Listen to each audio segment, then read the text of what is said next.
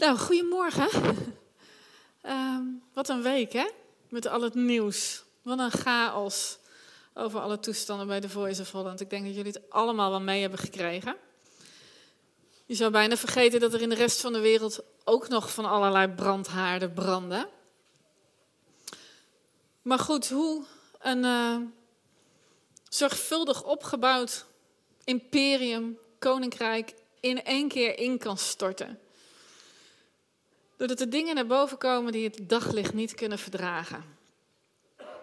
En hoe als er één of meerdere vrouwen opstaan tegen het onrecht dat hun is aangedaan, hoe er dan meer mensen volgen om hun verhaal te doen. En dat ze de moed vinden om hun verhaal in het licht te brengen.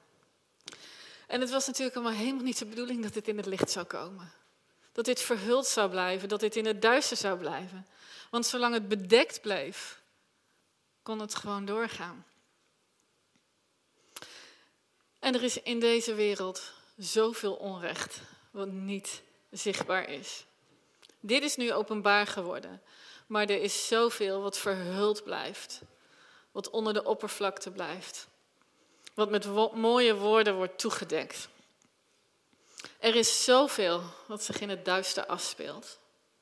En dat is uh, daar, waar het duister is, daar is de vijand.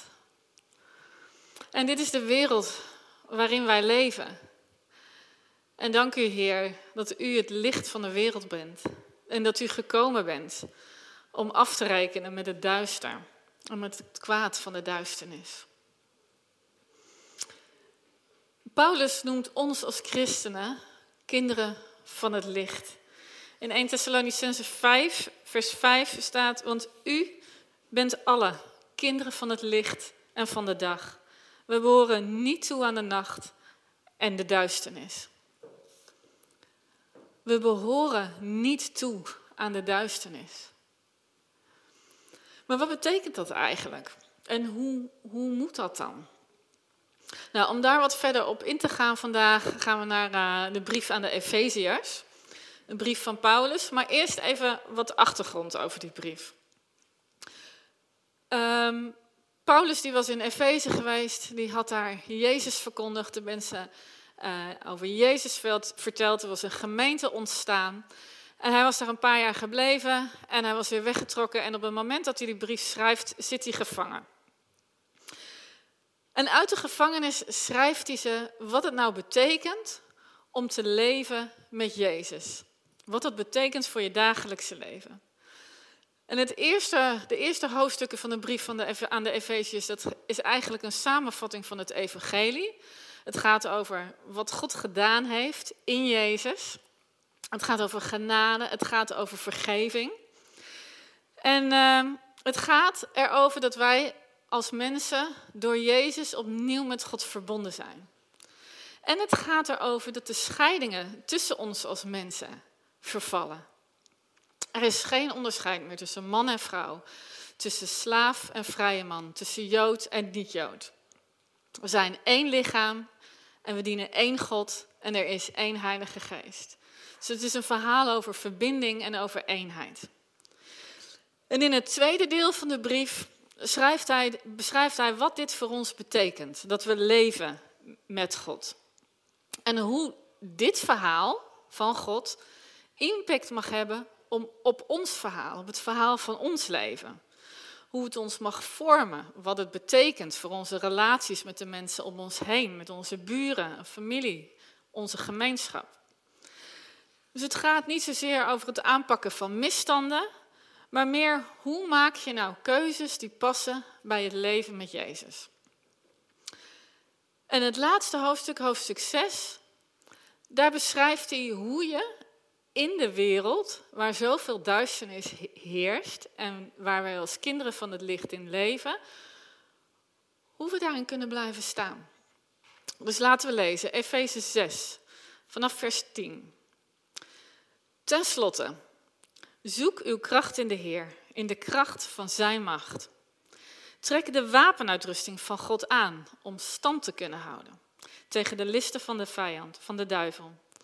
Onze strijd is niet gericht tegen mensen, maar tegen hemelse vorsten, de heersers en de machthebbers van de duisternis. tegen de kwade geesten in de hemelsferen.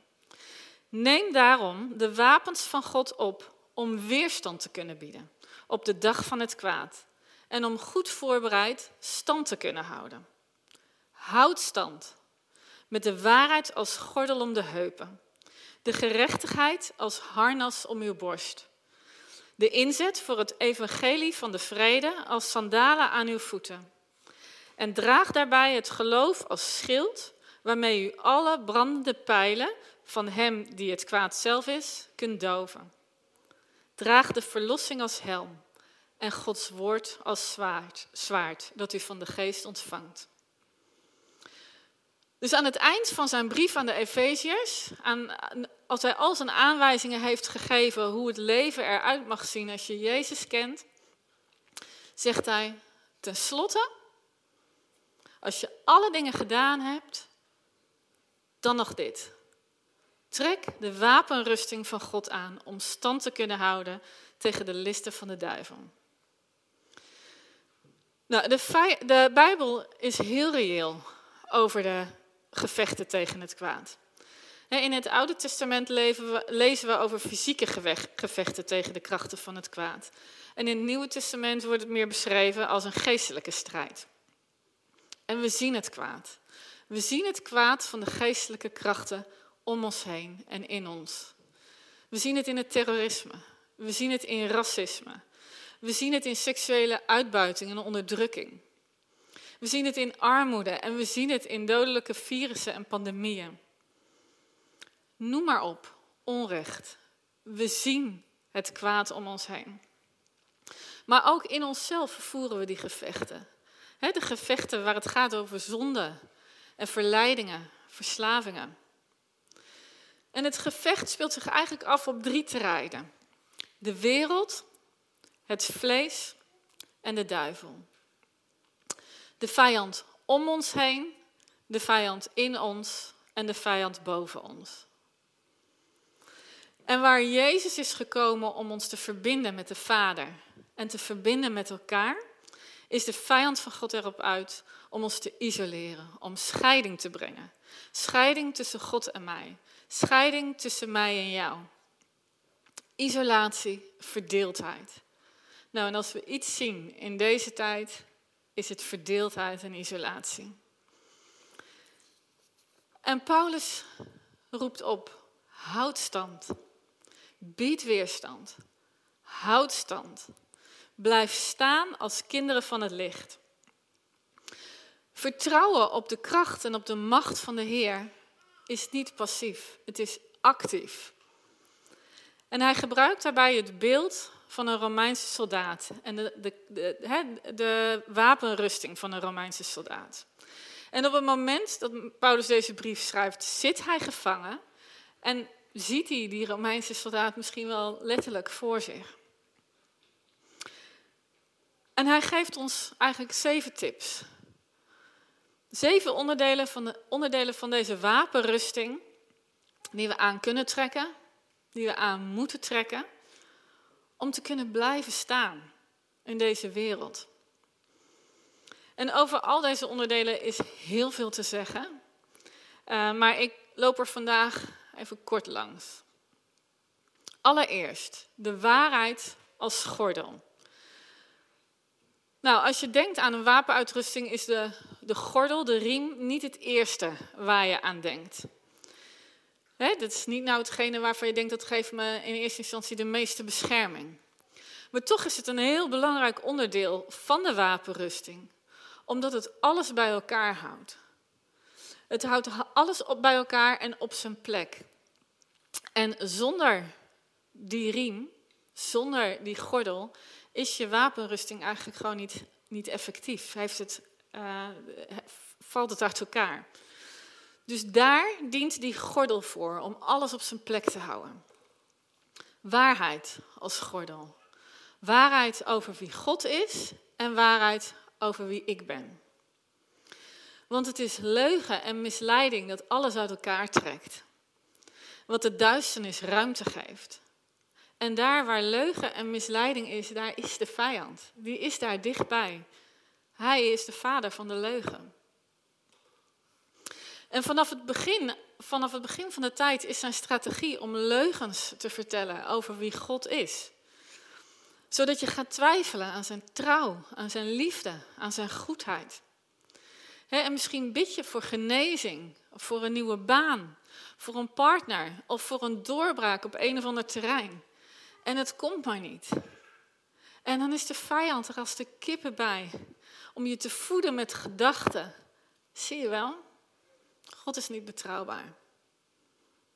Hij hoort je niet. Hij luistert niet. Je kan niet op hem bouwen. Weet je nog? Het doel van de vijand is om jouw verbinding met de Vader te breken. Om jou te isoleren. Houd stand, zegt Paulus. Houd stand. God je met de waarheid. De waarheid die openbaar is geworden in Jezus. Die de waarheid is. Het borstharnas, de gerechtigheid als harnas om je borst. Gerechtigheid, dat is wel een beetje een ingewikkelde, vind ik.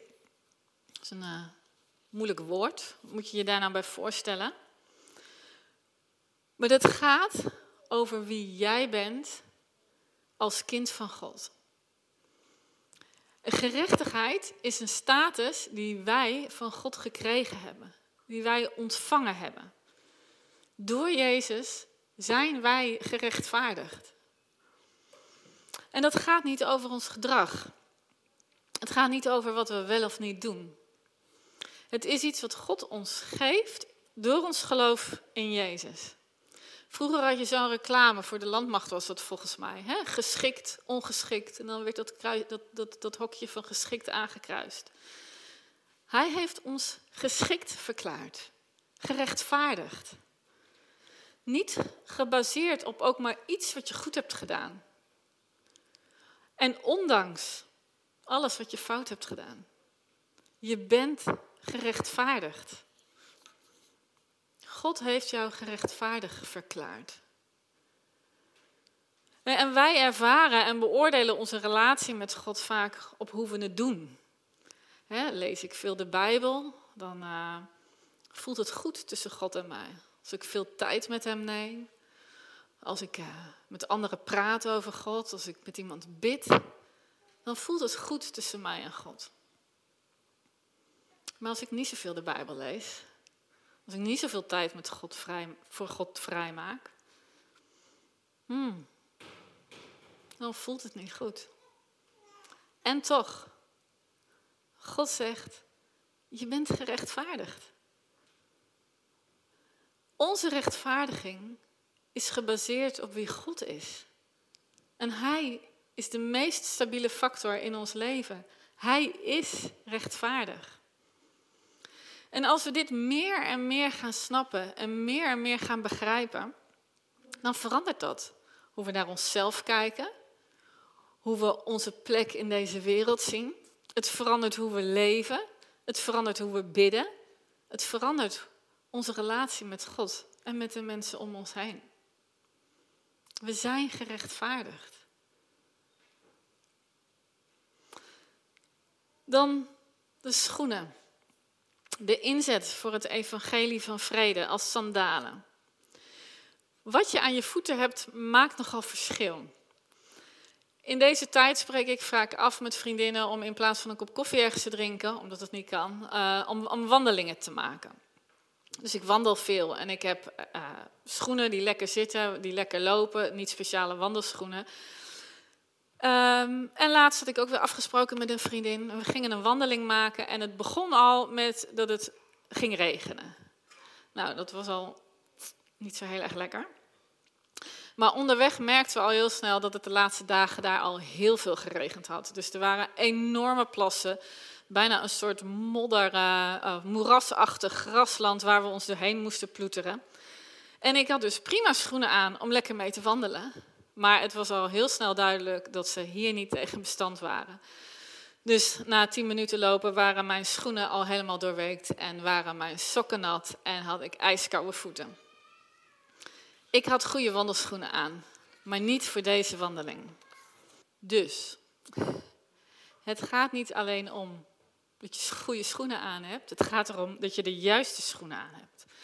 En de Romeinse soldaten hadden schoenen en waar een soort spikes onder zaten.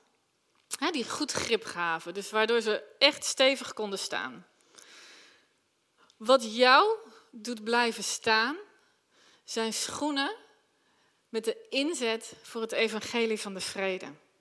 Schoenen die staan op het evangelie van vrede.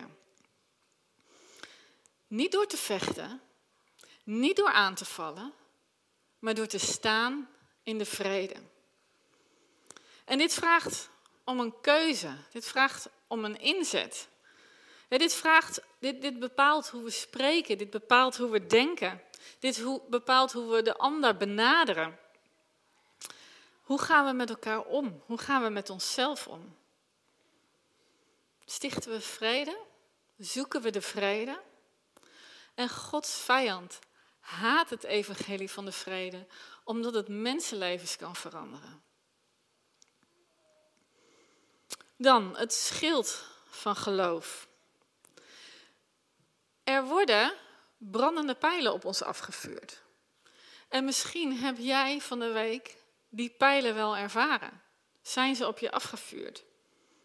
Pijlen van valse schuld, schaamte, angst, verleiding of kritiek die heel diep binnenkwam.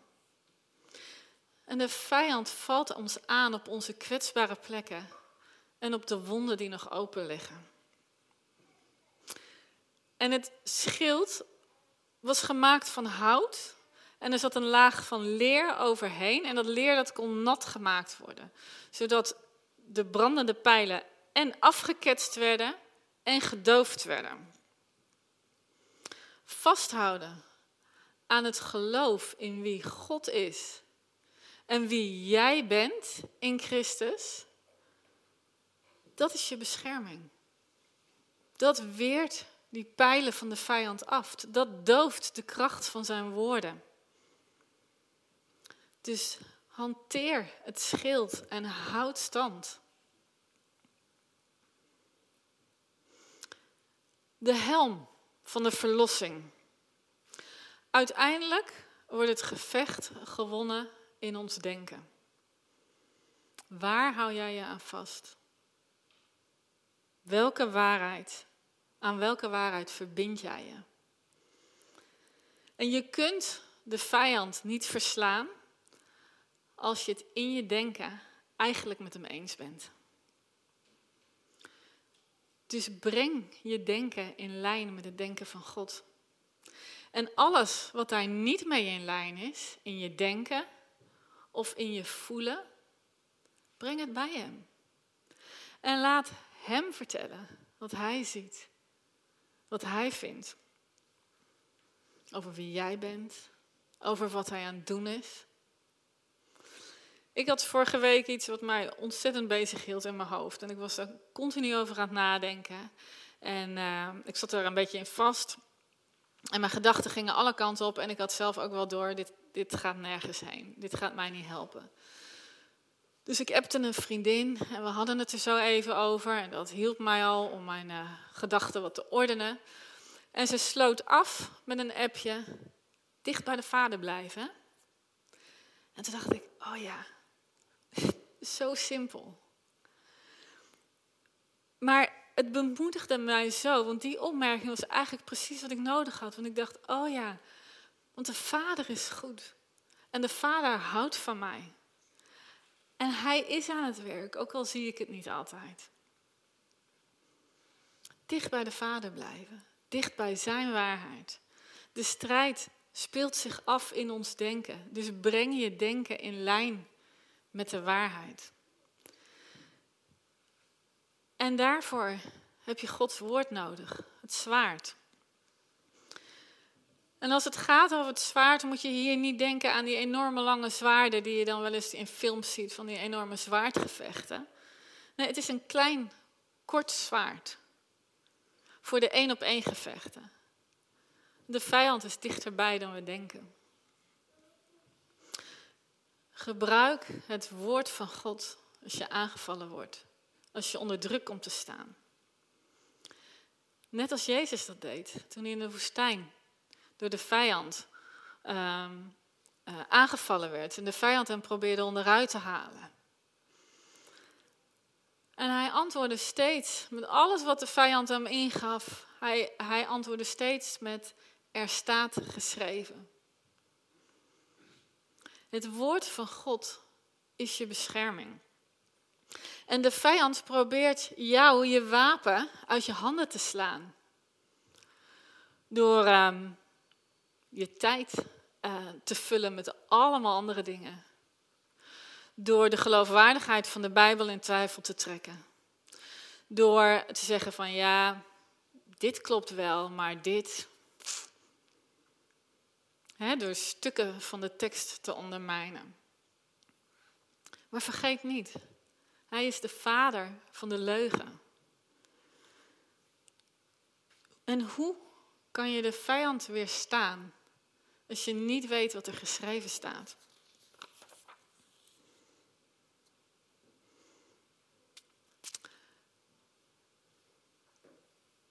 Tot slot, als afsluiting. In het kader van discipelschap, hoe leef je nou met God? Hoe leef je nou met Jezus? Is dit wat Paulus de mensen meegeeft? Trek de wapenrusting van God aan en houd stand. De opdracht is niet om te vechten. De opdracht is niet om geweld te gebruiken. De opdracht is niet om als de wereld te zijn. De opdracht is om stand te houden. Want Hij is de God die voor ons vecht.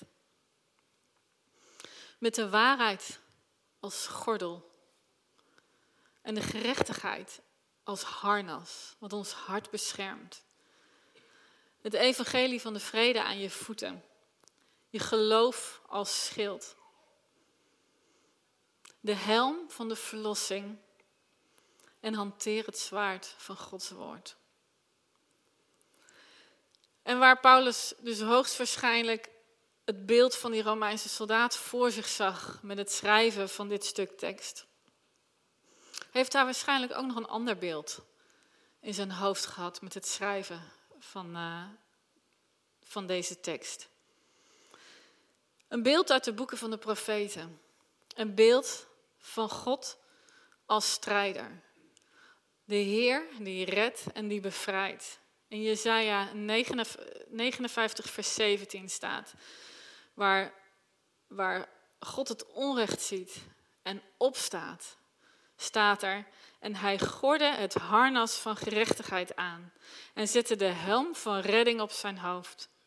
Hij deed het kleed van vergelding aan en hulde zich in de mantel van strijdlust. De wapenuitrusting die God jou geeft, is wat hij zelf ook draagt. En het is eigenlijk een karakterschets van wie Jezus is. En dat is waar Paulus van zegt: trek het aan. Zo houd je stand. En we vergeten het zo gemakkelijk aan te trekken. Maar God nodigt ons uit om ons te kleden zoals Hij.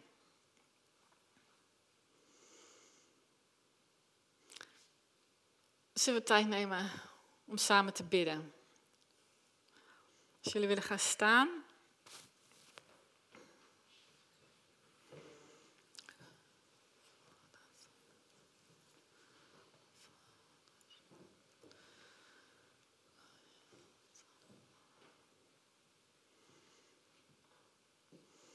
Vader, dank u wel voor wie u bent. De Heer die voor ons strijdt. De God die redt en die bevrijdt. En dank u wel voor uw overwinning. Dank u wel dat u heeft beloofd ons nooit alleen te laten. En ik, ik bid opnieuw, zoals we net ook zongen, mogen wij u zien. Mogen wij u zien.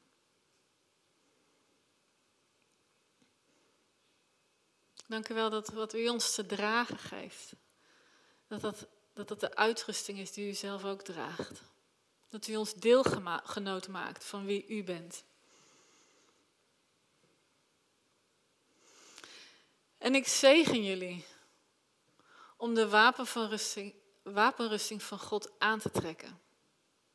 Ik zegen jullie om de gordel van de waarheid om te doen. Ik zegen jullie om uh, de gerechtigheid als harnas aan te trekken. Ik zegen jullie om de schoenen aan te doen die de inzet voor, de, voor het evangelie van de vrede zijn. Ik zegen jullie om het schild op te pakken. Om de helm van de verlossing op te zetten. En om het zwaard van Gods woord te hanteren. En waar dat misschien onwennig voor je voelt, bid ik u, Heer, maak ons vaardig. Maak ons vaardig. En misschien heb je van de week een moment gehad dat je wapenrusting uh, niet goed zat. Of dat je het vergeten was aan te trekken. Heer, ik bid dat u komt. En ons opnieuw kleedt. Dat u herstelt wat daar geraakt is. Dat u de wonden verzorgt. En dat u ons opnieuw kleedt.